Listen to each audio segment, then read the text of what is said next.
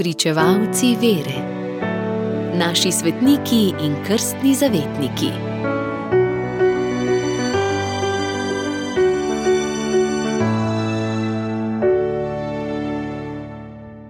Danes zgoduje sveti Žeralt iz Zaurijaka. Ta francoski plemič, Žeralt ali Geralt, je živel v času, ko se je enotno cesarstvo Karla Velikega začelo drobiti in so se njegovi nasledniki za dediščino vojskovali. Vojske so vodile nasilje, revščino, moralno bedo.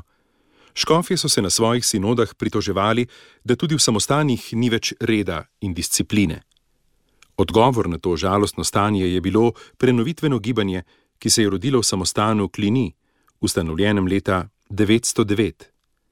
Skoraj 200 leti so ga vodili opati, ki so bili svetniki, možje znanja in dela, spokornosti, premišljevanja in molitve.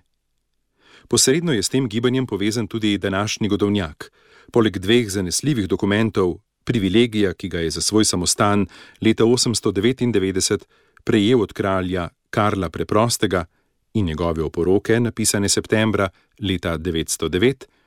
Vse, kar vemo o njem, zajemamo iz življenja Vita, ki ga je okoli leta 940 napisal sveti Odon ki je bil opat v Avrijaku, preden je postal opat in prenovitelj v samostanu Klini. Sestavljen je na podlagi pripovedi štirih učencev in očividcev in se na nj lahko zanesemo, čeprav opat Odon poudarja bolj to, kar se nanaša na zaželeno prenovo samostanskega življenja in feudalnega reda. Svetnik se je rodil okoli leta 850 v plemiški družini. Bil je deležen najboljše tedaj dosegljive izobrazbe, Oče ga je spodbujal k učenju, vendar ni maral, da bi postal redovnik ali duhovnik, ker je bil njegov edini dedič. Po očetovi smrti pa ga je Škof prepričal, da mož njegovega slovesa in izobrazbe lahko naredi veliko dobrega za Božje kraljestvo kot laik. Poslušal je njegov nasvet in zaživel je sredi sveta, vendar po vzoru redovnikov. Ljudje so ga ljubili in spoštovali. V njem so odkrili plemiča, popolnoma drugačnega od drugih. Ubogim je ne le pomagal, ampak je tudi živel z njimi, spodbujal jih je k molitvi, dobroti, pa ne z besedami, ampak s svojim zgledom.